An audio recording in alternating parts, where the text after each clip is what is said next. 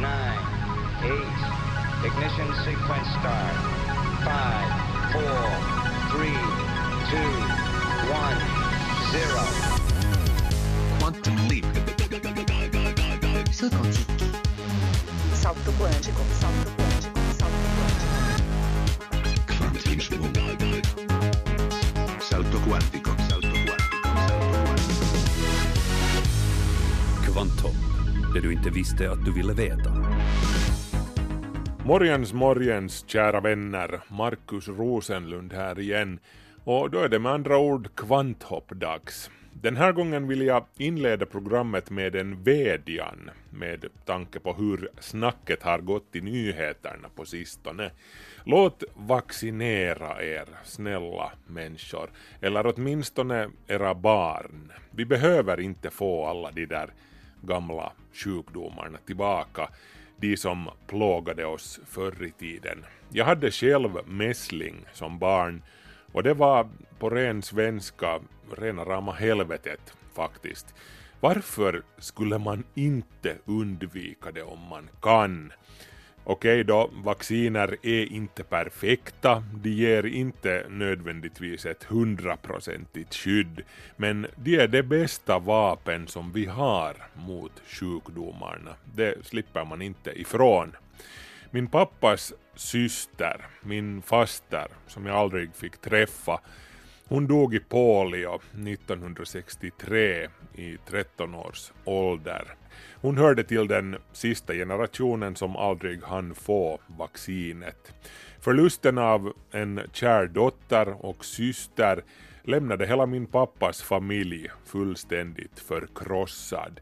Min pappa han hämtade sig aldrig riktigt från den chocken, vilket jag själv sen fick lida av i och med att han var så trasig inombords att han aldrig kunde bli den far som jag skulle ha behövt. Okej, det här är en lång historia, men låt oss bara säga som så att vaccinet hade räddat inte bara min pappas syster, men på sätt och vis också min egen barndom. Vacciner funkar. De räddar liv. Det var egentligen bara det som jag ville säga. I det här programmet ska vi inte tala desto mer om vaccin för människor, men däremot nog för bin. Det är nämligen möjligt att vaccinera bin också numera. Och det kan de hårt trängda bistammarna minsann behöva.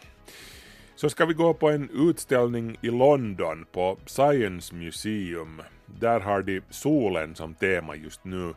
Albert Ernroth gick och tog sig en titt. Det ska bland annat handla om en av de häftigaste solstormarna i modern historia, den så kallade Carrington-händelsen. Denna tidiga höstdag 1859 observerades norrsken ända ner till södra Europa och till och med i Karibien upplevde man häftiga ljuseffekter. Men många trodde att jordens undergång var nära.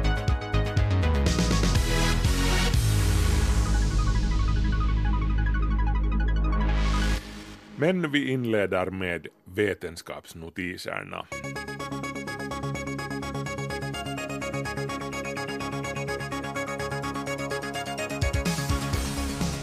Finland ska bli först i Europa med drönarleveranser om Google får sin vilja igenom.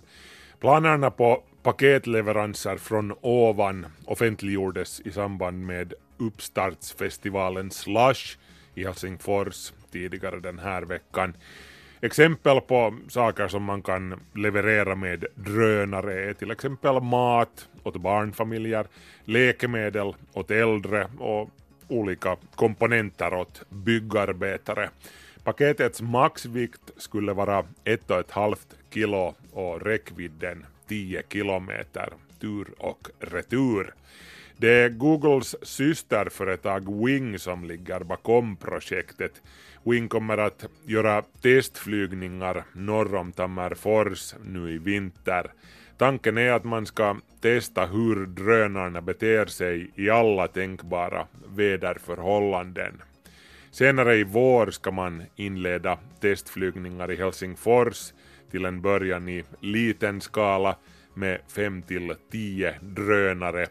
Eh, drönarna kommer för övrigt inte att landa. Leveranserna sänks ned med en 7 meter lång lina. Privatpersoner kommer inte att kunna sända paket till varandra med drönare ännu. Det är företag till företag som gäller till en början. Men i framtiden ska du kunna sitta till exempel i en park och få ett paket från skyn i famnen. Det blev då avfyrning till slut för Suomi 100-satelliten, den lilla nanosatelliten som skulle skickas upp i rymden Finlands 100-årsjubileum till ära, men vars avfyrning har drabbats av upprepade fördröjningar. Men i måndags kom den slutligen iväg i lastrummet på en Falcon 9-raket som avfyrades från raketbasen Vandenberg i Kalifornien. Avfyrningen gick bra och de första signalerna från Suomi 100 mottogs kvart över nio på tisdagsmorgonen finsk tid. Flera andra små satelliter fanns med ombord under samma avfyrning, däribland en annan finsk satellit, ICEYE 2. Suomi 100-satelliten den är väldigt liten, stor som en Rubiks kub ungefär och väger ett drygt kilo. Suomi 100-satelliten är tänkt att vara en folkets satellit, inom citat. Vem som helst ska i princip kunna ratta in bilderna och radiosignalerna från den utan någon specialutrustning. Satelliten ligger på en så kallad polär omloppsbana vilket för den över våra trakter och ger den möjligheter att ta bilder av fosterlandet från rymden.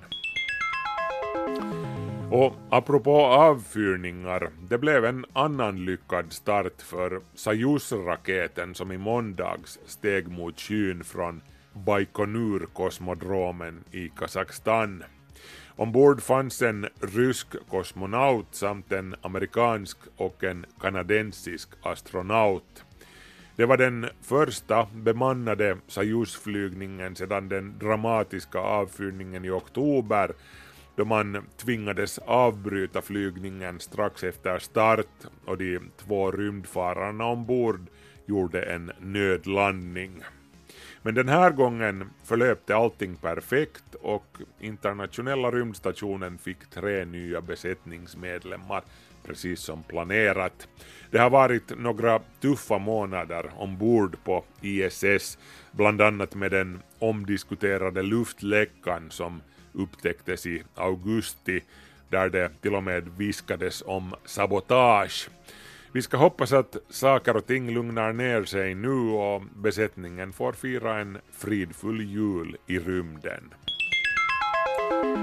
Tillbaka till jorden nu. Framhjulsdrift har ju blivit standarden för de flesta personbilar numera.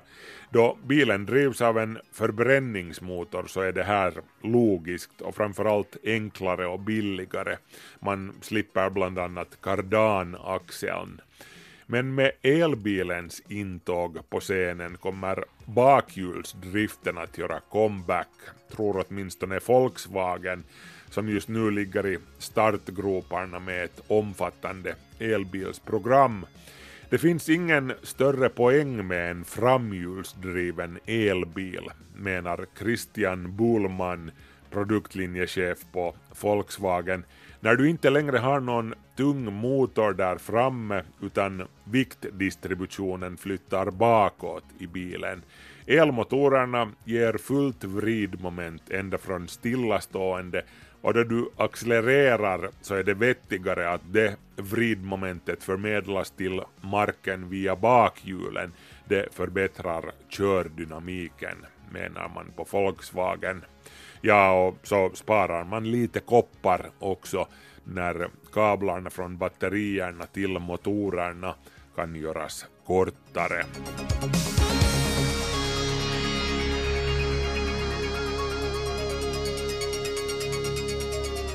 Forskare vid Helsingfors universitet håller på att ta fram världens första vaccin för insekter. Det ska så småningom kunna ges till honungsbin. Tanken är att minska risken för att de ska drabbas av sjukdomar. Det finns en hel del bin i världen, men under det senaste årtiondet har antalet minskat rejält, till exempel till följd av bekämpningsmedel, dålig näring och sjukdomar.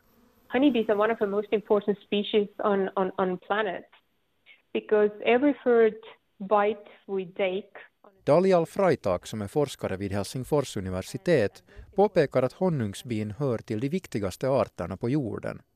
En tredjedel av den mat vi människor äter har kommit till tack vare pollinerare och honungsbin är bland de viktigaste pollinerarna.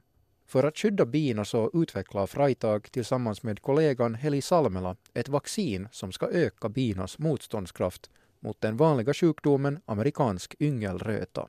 This oral vaccine. You can just feed it to the honeybee queen in this case. Det är ett vaccin som kan läggas till i bidrottningens mat. Det resulterar i att bikolonin blir mer motståndskraftig, påpekar Freitag. Hon avslöjar att vaccinet i det här skedet kan öka motståndskraften med ungefär 45 procent. Men man jobbar ännu på att göra det mer effektivt. Eva Forsgren, som är forskare och universitetslektor inom honungsbihälsa vid Sveriges lantbruksuniversitet, SLU, är positivt inställd till det aktuella vaccinet. Jag tycker att det här låter lovande att man fokuserar på drottningen som ju är den reproducerande eh, individen i ett honungsbisamhälle och som då är den som är mor så att säga till alla andra bin. Så kan man liksom komma åt och vaccinera drottningen som sen producerar äggen som sen producerar alla andra medlemmar i bisamhället så är ju det naturligtvis väldigt bra. Forskarna siktar också på att utveckla vaccin mot andra bisjukdomar. Tanken är att biodlare i framtiden ska kunna köpa färdigt vaccinerade honungsbidrottningar. Det kan ändå räcka fyra till fem år innan forskarna har utvecklat det första vaccinet färdigt och myndigheterna har gett klartecken att det är okej att använda det. Niklas Fagerström var det som var reporter i det inslaget. Härnäst ska det handla om förbränningsmotorn som tycks sjunga på sista versen. Kvanthopp, det du inte visste att du ville veta.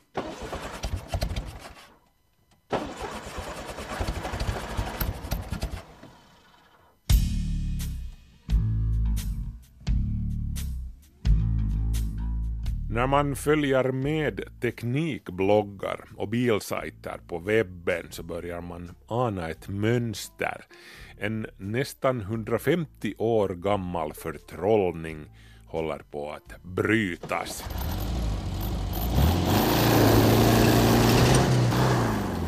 Biltillverkarna de presenterar ju fortfarande nya bensin och dieseldrivna modeller och skryter med deras egenskaper precis som förr. Men på något sätt så finns den gamla gnistan inte där längre. Alla vet liksom att det är el som är framtiden. Alla i branschen vet att det är där som vi måste lägga vårt krut om vi vill vara relevanta om tio år.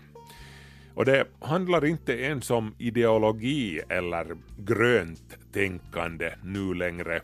Det handlar i grund och botten om att gränserna för vad man överhuvudtaget kan göra med en kolvmotor börjar vara nådd.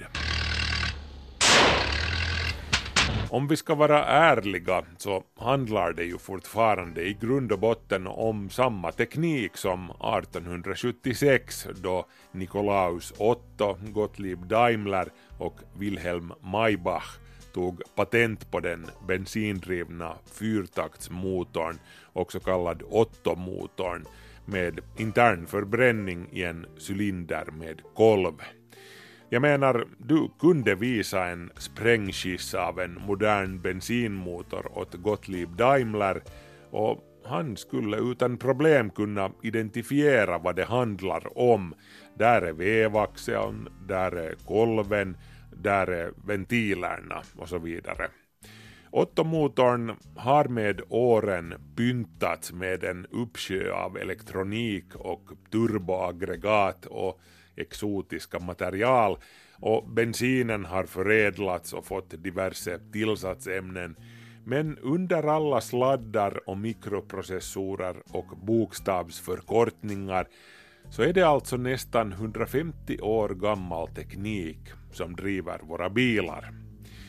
Och grejen är att för varje år som går blir det svårare och svårare och dyrare och dyrare för biltillverkarna att pressa ut fler och fler hästkrafter, förlåt kilowatt heter det numera, från en allt mindre och mindre mängd bensin. De allt striktare utsläppsreglerna har lett till att ingenjörerna i Wolfsburg och i Tokyo får stå på huvudet för att hitta på nya tekniska lösningar så att bensinmotorn hålls up to date. Det här har lett till att en bensinmotor, särskilt i det lite dyrare segmentet, numera är nästan löjligt komplicerad och därmed också väldigt dyr att tillverka. Den är också nästan fullständigt omöjlig för dig och mig att reparera där hemma om någonting går snett.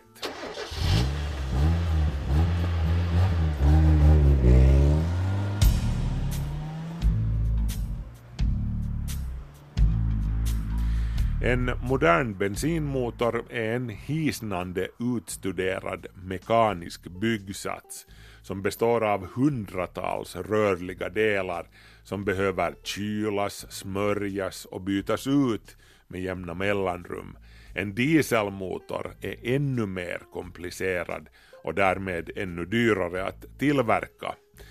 All den här mekaniska grannlåten väger ju dessutom en hel massa en typisk personbil har en bensinmotor som levererar sisådär 75 kilowatt. Den kan väga omkring 100 kilogram, motorn alltså, och så växellådan till på köpet som väger ytterligare 25 till 50 kilo fylld till bredden med invecklad mekanik och hydraulik den också. Däremot en elmotor av samma effektklass, 75 kilowatt, Tja, den innehåller ju i princip två delar, varav en är rörlig. Elmotorn behöver dessutom ingen olja och behöver just inte heller kylas ner. En elmotor kan till på köpet överbelastas ganska rejält, åtminstone tillfälligt, så att den under en kortare tid kan leverera till exempel 150 kilowatt istället för 75. Tesla kallar det här för ludicrous mode, skrattretande läge. Nämnde jag förresten att elmotorn inte heller behöver någon växellåda? Men vänta, det kommer mera. Och det här nästa tricket, det är snudd på trolleri, åtminstone om man ser det från bensinmotorns perspektiv. En elmotor kan nämligen inte bara förbruka energi, den kan ju alstra energi också. Den kan fungera som generator. Det kallas återladdning när elmotorn växlar funktion och laddar batteriet genom att omvandla rörelseenergin till likström. Tänk om bensinmotorn kunde göra samma sak. Du motorbromsar och bensinmotorn suger i sig avgaserna och förvandlar dem tillbaka till bensin som fylls på i bensintanken. Alla inser ju att det inte funkar så, hur mycket ingenjörerna än står på huvudet. Men alla vet ju att elmotorer är klena svaga saker som på sin höjd kan driva golfkärror och cyklar. Till tunga jobb krävs bastanta dieslar, eller hur? Fel. Skulle en diesel eller en bensinmotor bryta arm med en elmotor så skulle bränslemotorn förlora på fläcken. En elmotor har ett fullkomligt förkrossande vridmoment. Ska du dra ett stenhus av grunden så ska du köra med elmotor. Att en bränslemotor har en effekt på 75 kilowatt betyder ju inte att du har 75 kilowatt tillgängliga hela tiden över hela varvregistret. För att få ut maximal effekt och maximalt vridmoment så måste du öka på varven nästan till max. En elmotor däremot, den har en betydligt jämnare effektutveckling. Den levererar nästan fullt vridmoment så gott som ända från stillastående och uppåt. Ser man på hela effektutvecklingskurvan så går det lite förenklat till som så att en 75 kW elmotor kan motsvara en 150 kW bensinmotor. Då har vi ännu inte tagit i beaktande möjligheten att tillfälligt överbelasta elmotorn. Då kan en 75 kW elmotor åtminstone stundvis motsvara en 300 kW bensinmotor. Och så var det ju också det här med skillnaden i verkningsgrad, det vill säga hur mycket nyttoeffekt du får ut från energin som du matar in i motorn, hur mycket valuta för pengarna du får liksom. Också här blir det stor stryk för Otto-motorn. En bensinmotor har en verkningsgrad på cirka 30 procent och en dieselmotor levererar nästan 40 procent. Det här betyder att också den råstarkaste dieselmotorn bara omvandlar cirka 40 procent av bränslet till rörelseenergi. Resten, drygt 60 procent, blir till värme. Det är därför som bilar med förbränningsmotorer behöver stora kylare. Räknar man dessutom in att cirka 15 procent av bränslet går åt till tomgång och eh, 5 procent äts upp av friktion inom drivlinan så är det bara omkring 18 procent av bränslet som omvandlas till rörelseenergi.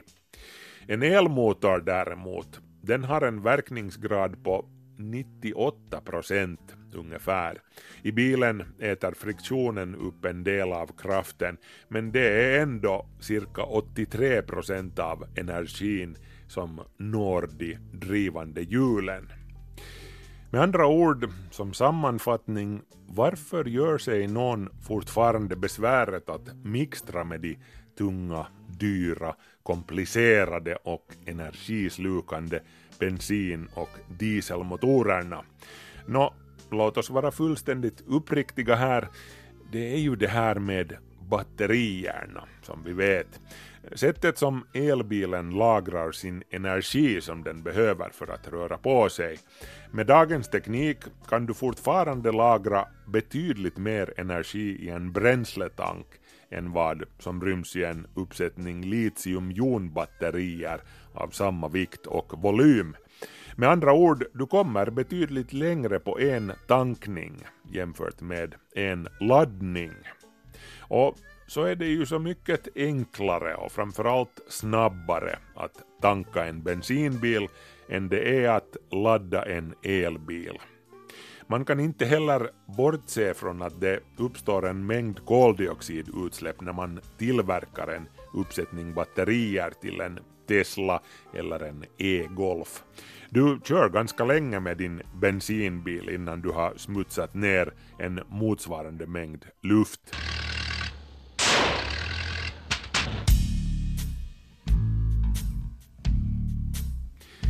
Nå, det sker ju hela tiden framsteg på batterifronten och också elbilar kan ju faktiskt lagra sin energi i kemisk form i och med det som kallas bränsleceller. Så bränslebilens enda egentliga trumfkort håller sakta men säkert på att naggas i kanterna. Och den dagen är sannolikt inte alltför avlägsen då genombrottet kommer det som slutgiltigt får både biltillverkarna och köparna att konstatera att nähä, nu är det här klottrandet med bensin helt enkelt inte värt besväret längre. Utom såklart de där allra mest inbitna fantasterna av ljudet av en bastant mullrande V8 eller en tjutande Ferrari V12. Det måste medges att på den punkten kommer elmotorn alltid att förlora. Men hej, man kan inte få allting här i världen.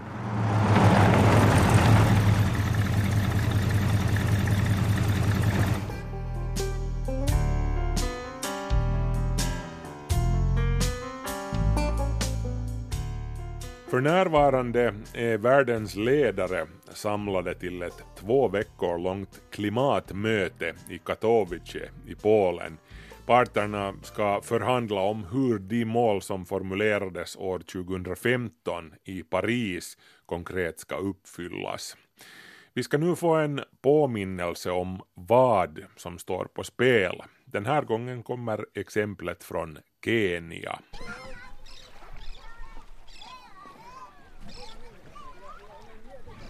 En konstant het vind sveper över de vackra sandstränderna vid Turkanasjön. Den kallades Jadehavet av européerna på grund av det turkosskimrande vattnet. Här kallar lokalbefolkningen den helt enkelt för vattnet.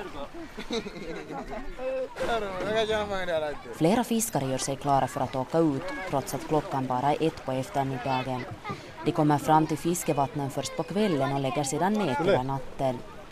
Fiskar man närmare stranden får man mindre fiskar och sämre fångst. Men just idag gör ändå fiskaren David Ekuamlokai just det. För att åka långt ut är tungt.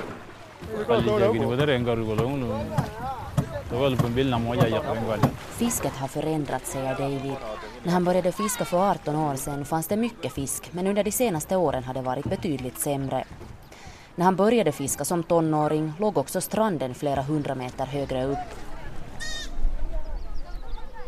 Turkana är Kenias fattigaste område och stora delar av provinsen är halvöken. Torrt och ofruktbart har det alltid varit, men aldrig så illa som nu.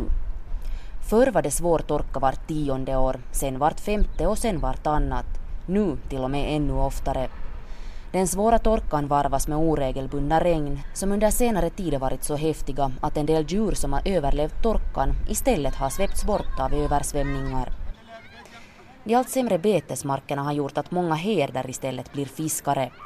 Med allt fler fiskare finns det alltså många fler som kämpar om fiskarna som blir allt färre. David Ekuam Lakai beskriver sjön som ett ställe där människor i Turkana i alla tider har sökt skydd. Sjön har kunnat ge dem något att leva på när det inte finns något annat.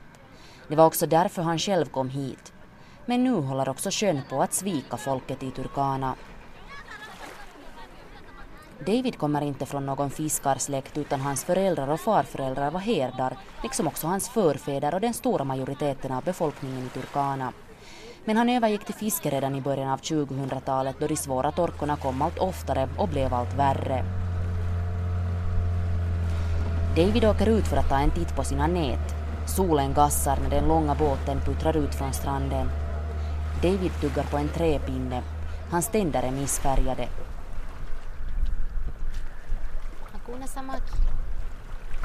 Ingen fisk den här gången.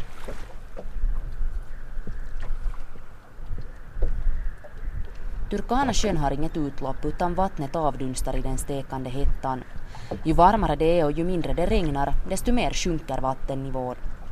90 procent av sitt vatten får Turkanasjön från Omofloden i Etiopien, men där hotar stora dammprojekt att strypa vattentillförseln. Vattennivån har fluktuerat genom århundradena och är väldigt känslig för förändringar i regnmängd och klimat. That yeah.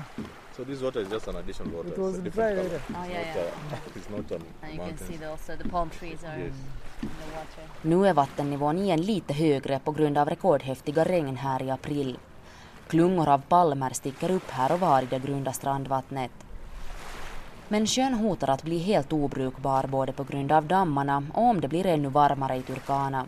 När avdunstningen ökar blir salthalten högre och påverkar vilka fiskar som klarar sig i sjön, säger Andrew Orina, som är projektchef på organisationen Friends of Lake Turkana som kämpar för lokalbefolkningens rättigheter. You have less fish population, you have less breeding sites, you have people's, who, people's incomes uh, being significantly reduced. Det växande antalet fiskare gör att sjön nu hotas av överfiske. Då kampen om fångsten hårdnar är det många som drar upp fisk som ännu inte har vuxit till sig ordentligt. Dessutom förekommer konflikter mellan olika stammar som kämpar om samma krympande fiskevatten.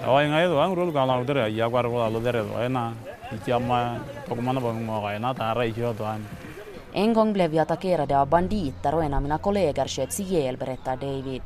Han säger att de simmade i fem timmar men lyckades komma hem tryggt. David och hans kollegor fiskar också ofta i sjöns naturskyddsområden som hör till Unescos världsarv. Under de dygnslånga fisketurerna lägger de nät i nattens mörker och gömmer sig för Kenias naturskyddsmyndighet. Ibland åker de fast och många har suttit av fängelsestraff. Men alternativet är att sitta och vänta på hunger och död, säger David. David har åtta barn och de går alla i skola. Det här är en ny trend i Turkana där en stor del av den vuxna befolkningen varken kan läsa eller skriva. Den traditionella nomadkulturen hotar att dö ut helt och hållet och barnen måste kunna hitta nya sätt att sysselsätta sig. Vägen dit är utbildning. Det är ingen dålig väg, men utvecklingen går för snabbt, säger Ika Langelei, verksamhetsledare på organisationen Friends of Lake Turkana.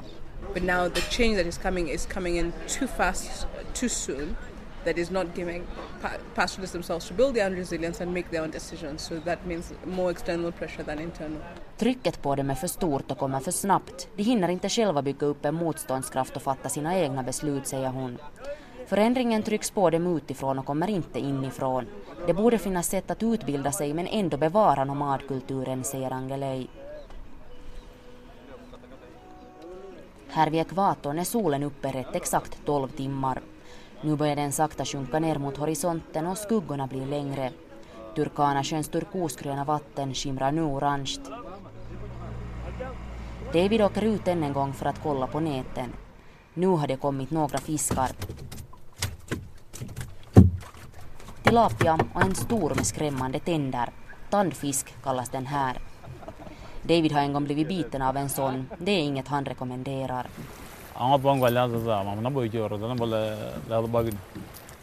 David säger att fiskarna nu inte har något annat val än att anpassa sig. Exakt hur det ska gå till vet han inte. Men om sjön torkar ut, då är det slutet på fisket och slutet på dem, säger han. Liselott Lindström, Kalokol, Kenya. Vi ska nu tillsammans med Albert Ernroth bege oss till Science Museum i London. De har en ny spännande utställning om solen på gång. Utgångspunkten för utställningen The Sun, Living with Our Star är den att människan sedan urminnes tider har försökt hålla solen i styr och försökt påverka denna otämjbara, otroliga himlakropp som vi är fullständigt beroende av, säger Harry Cliff, utställningens kurator. Who loves the sun? Who cares that it makes plants grow? Who cares what it does since you broke my I'm Dr. Harry Cliff, and I'm the lead curator of the Sun exhibition at the Science Museum in London. Jag talar med Dr. Harry Cliff som har sammanställt The Sun, Living with Our Star på Science Museum i London. Sedan Galileo Galilei för drygt 400 år sedan började använda det nyuppfunna teleskopet som ett astronomiskt instrument och riktade sin kikare mot solen har vi upptäckt en hel del om vår egen stjärna. Ett av de första fenomen Galileo försökte utforska var solfläckar. 250 år senare upplevde den brittiska astronomen Richard Carrington ett otroligt naturfenomen medan han betraktade en enorm solfläck. Carrington is one of these astronomers who makes sunspot observations. And this, the story goes one morning, 1st of September 1859, he's sitting in his observatory sketching the sun, and there's a very big sunspot on the sun that morning.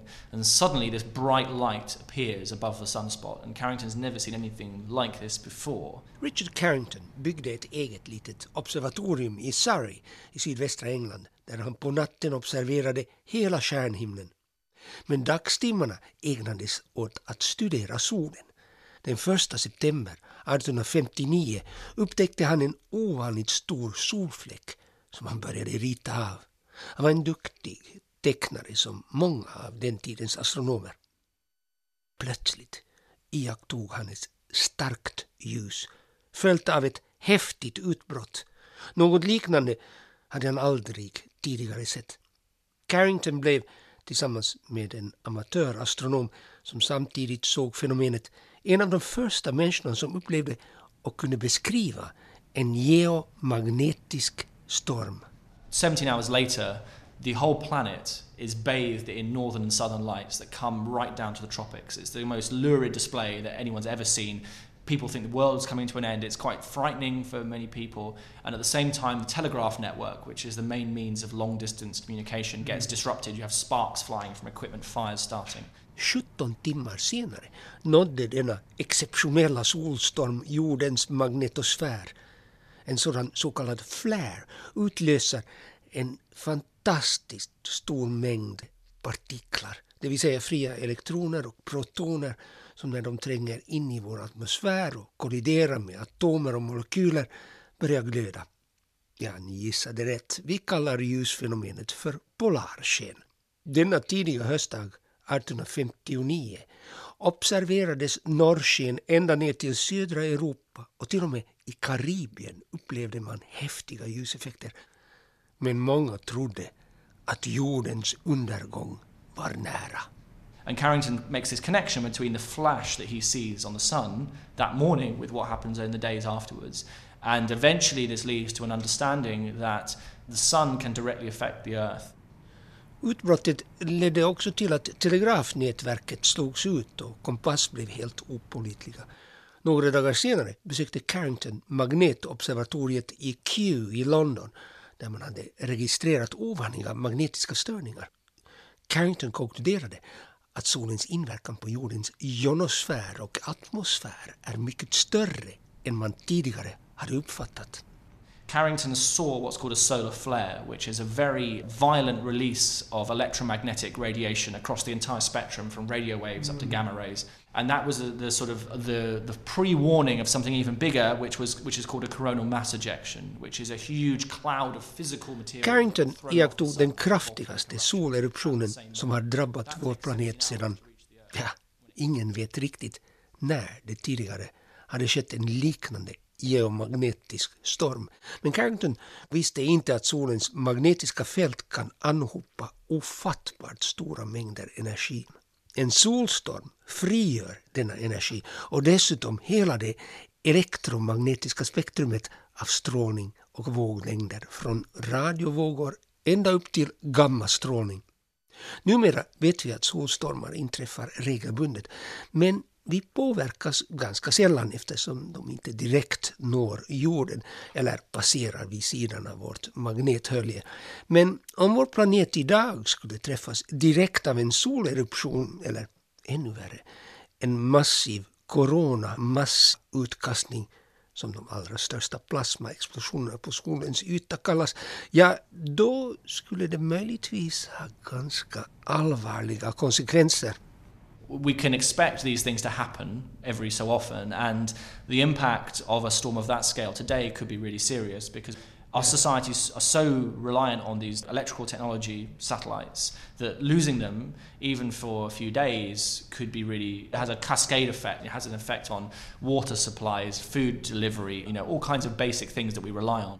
Om vi idag träffas av en dramatisk eruption slår den först ut satelliter och när den når jorden kommer geomagnetiskt inducerade strömmar att rusa genom kraftledningar och gas och oljeledningar som vi är helt beroende av. Ja, en kraftig solstorm kan förorsaka stora skador. För att inte tala om störningar av säkerhetssystem, flyg och tågtrafik och GPS-system. Jag vill inte skrämma upp kvanthopplyssnare, eller kanske lite. Men vi behöver inte vara alltför oroliga eftersom vi numera har ganska effektiva satelliter som kan göra pålitliga prognoser av rymdväder och kan varna oss när en geomagnetisk storm inträffar och syns vara på väg mot jorden.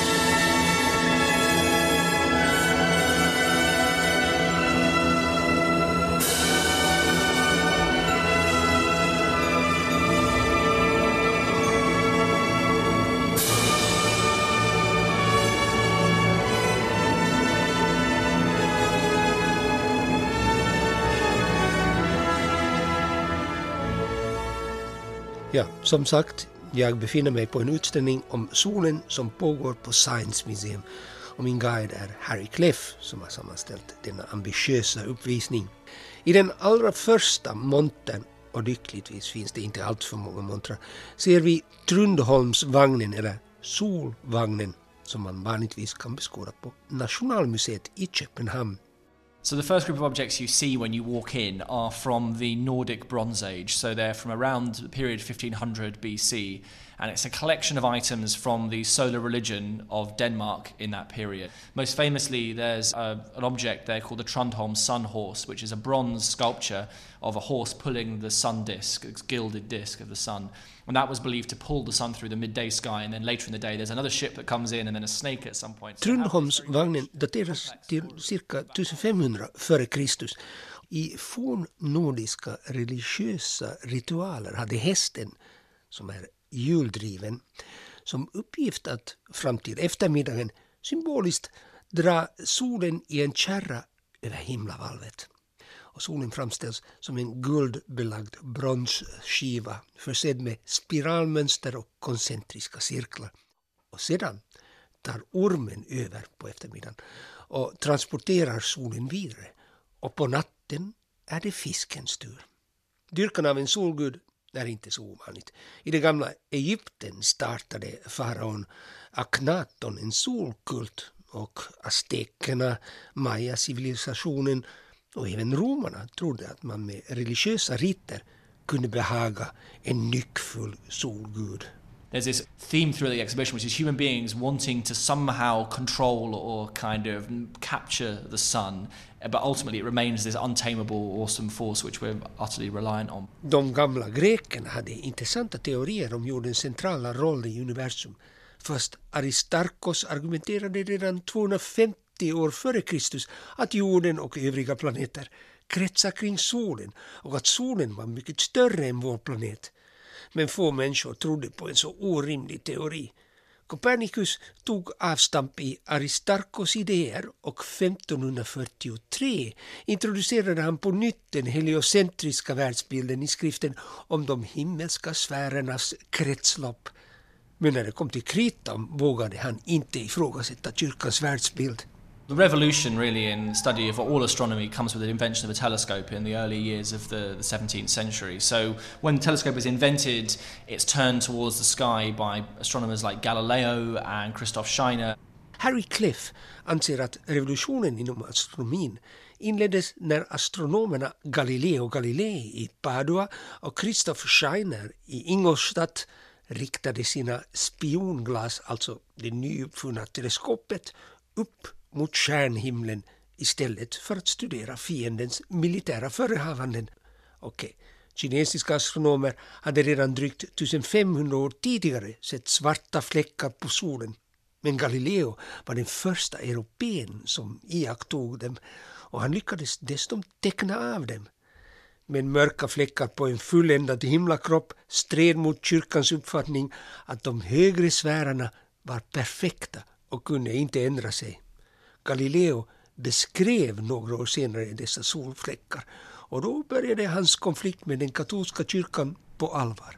Part of the church's, the Christian cosmology, is that inherited from Aristotle and from Ptolemy in the ancient period, is that the heavens are ordained by God, they don't change, they're incorruptible. If the sun has blemishes which change, that is a challenge as, to the church's view of the universe as much as arguing that the sun is the center, not the earth. I därpå följande skrifter pläderade Galileo för den heliocentriska världsbilden. Solen står i centrum. Det väckte rabalder bland teologer och Galileo fick åka till Vatikanen för att be om stöd, vilket han den gången fick om han lovade påpeka att den solcentrerade teorin endast var en matematisk hypotes. Nåväl, 17 år senare hamnade Galileo inför inkvisitionens domstol och det gick mindre bra, men det är en annan historia. Galileos namn känner alla lyssnare igen, men den brittisk-amerikanska astronomen Cecilia Helena Payne är tämligen okänd. Hon förtjänar verkligen att uppmärksammas. There's a view in the 19th, well, for most of the 19th century and early 20th century, that the sun is made of the same stuff as the earth. And what Payne finds, a very clever analysis, is that the sun is dominated by hydrogen and helium. För hundra år sedan antog astronomer att solens kemiska sammansättning liknade jordens uppbyggnad, det vill säga järn, syre, silikater, kol och så vidare. Cecilia Payne hade studerat vid Cambridge University men kvinnor fick inte doktorera där på 1920-talet och därför flyttade hon till Boston och började på sin doktorsavhandling vid Harvard. Hon var intresserad av spektrallinjer och framförallt absorptionslinjer som är de mörka linjerna i solljusets spektrum. And these lines can be used to determine the chemical composition of the stars and the sun and what's in them. Solen uppvisar mycket rika absorptionslinjer och tolkar man dem rätt kan man avgöra den kemiska sammansättningen i stjärnornas ytterhölje. Spektroskopi är en besvärlig och experimentell analysmetod men Payne kom underfund med att hennes professorer hade delat upp spektrallinjerna på fel vis. Det ledde till förskjutningar och därför även missuppfattningar. Spain fann ett sätt att tillrättalägga felet och sedan lyckades hon ganska exakt analysera grundämnessammansättningen i solen. Hon påstod att solen till mer än 90 procent bestod av vete och resten utgjordes huvudsakligen av helium. This really goes against the received wisdom. A very eminent astronomer, Henry Norris Russell, tells Payne that she's wrong, that she should conclude in her own dissertation that her idea is wrong. Men Paynes handledare, den framstående astrofysikern Henry Norris Russell, insisterade att det inte kunde stämma och hon lyckades bara övertyga några kollegor. Hon blev tvungen att i sin avhandling skriva att den rikliga förekomsten av vete med största säkerhet är en chimär. Uh, a few years later, independently, Norris Russell comes to the same result through different means. And uh, he does, to his credit, reference Payne's earlier work, but because he's the great man and she's this young, young astronomer, he gets a lot of the credit. Fyra år senare kom Henry Norris Russell fram till samma konklusion som Cecilia Payne om stjärnornas grundämnen, fast han använde en annan metod. Men lyckligtvis erkände han i sin vetenskapliga artikel att Cecilia Payne hela tiden hade haft rätt. Hon utnämndes 1956 till Harvards första kvinnliga professor. She really is an unsung hero of science. She's the person really that ultimately discovered not only what the sun is made from, but all the stars in the universe are, are made from, which is, you know, a, huge thing. Utställningen The Sun Living with Our Star går in på flera andra teman, till exempel hur vår tideräkning ursprungligen också var helt baserad på solen och naturligtvis uppmärksammas olika solmaskiner, solceller, solenergi och fusion som energikälla som är den heliga graalen för somliga fysiker och riskkapitalister. Varje minut utstrålar solen mer energi till jorden än hela världsbefolkningen förbrukar under ett helt år. Bara vi nu lyckas hitta ett sätt att lagra all energi som solen avger så kan vi nog rädda jorden. Det var Albert Ernroth som var reporter i det inslaget. Och då har det blivit dags för mig, det vill säga Markus Rosenlund, att än en gång tacka för sällskapet och säga på återhörande om en vecka. Ha det så bra, hej så länge!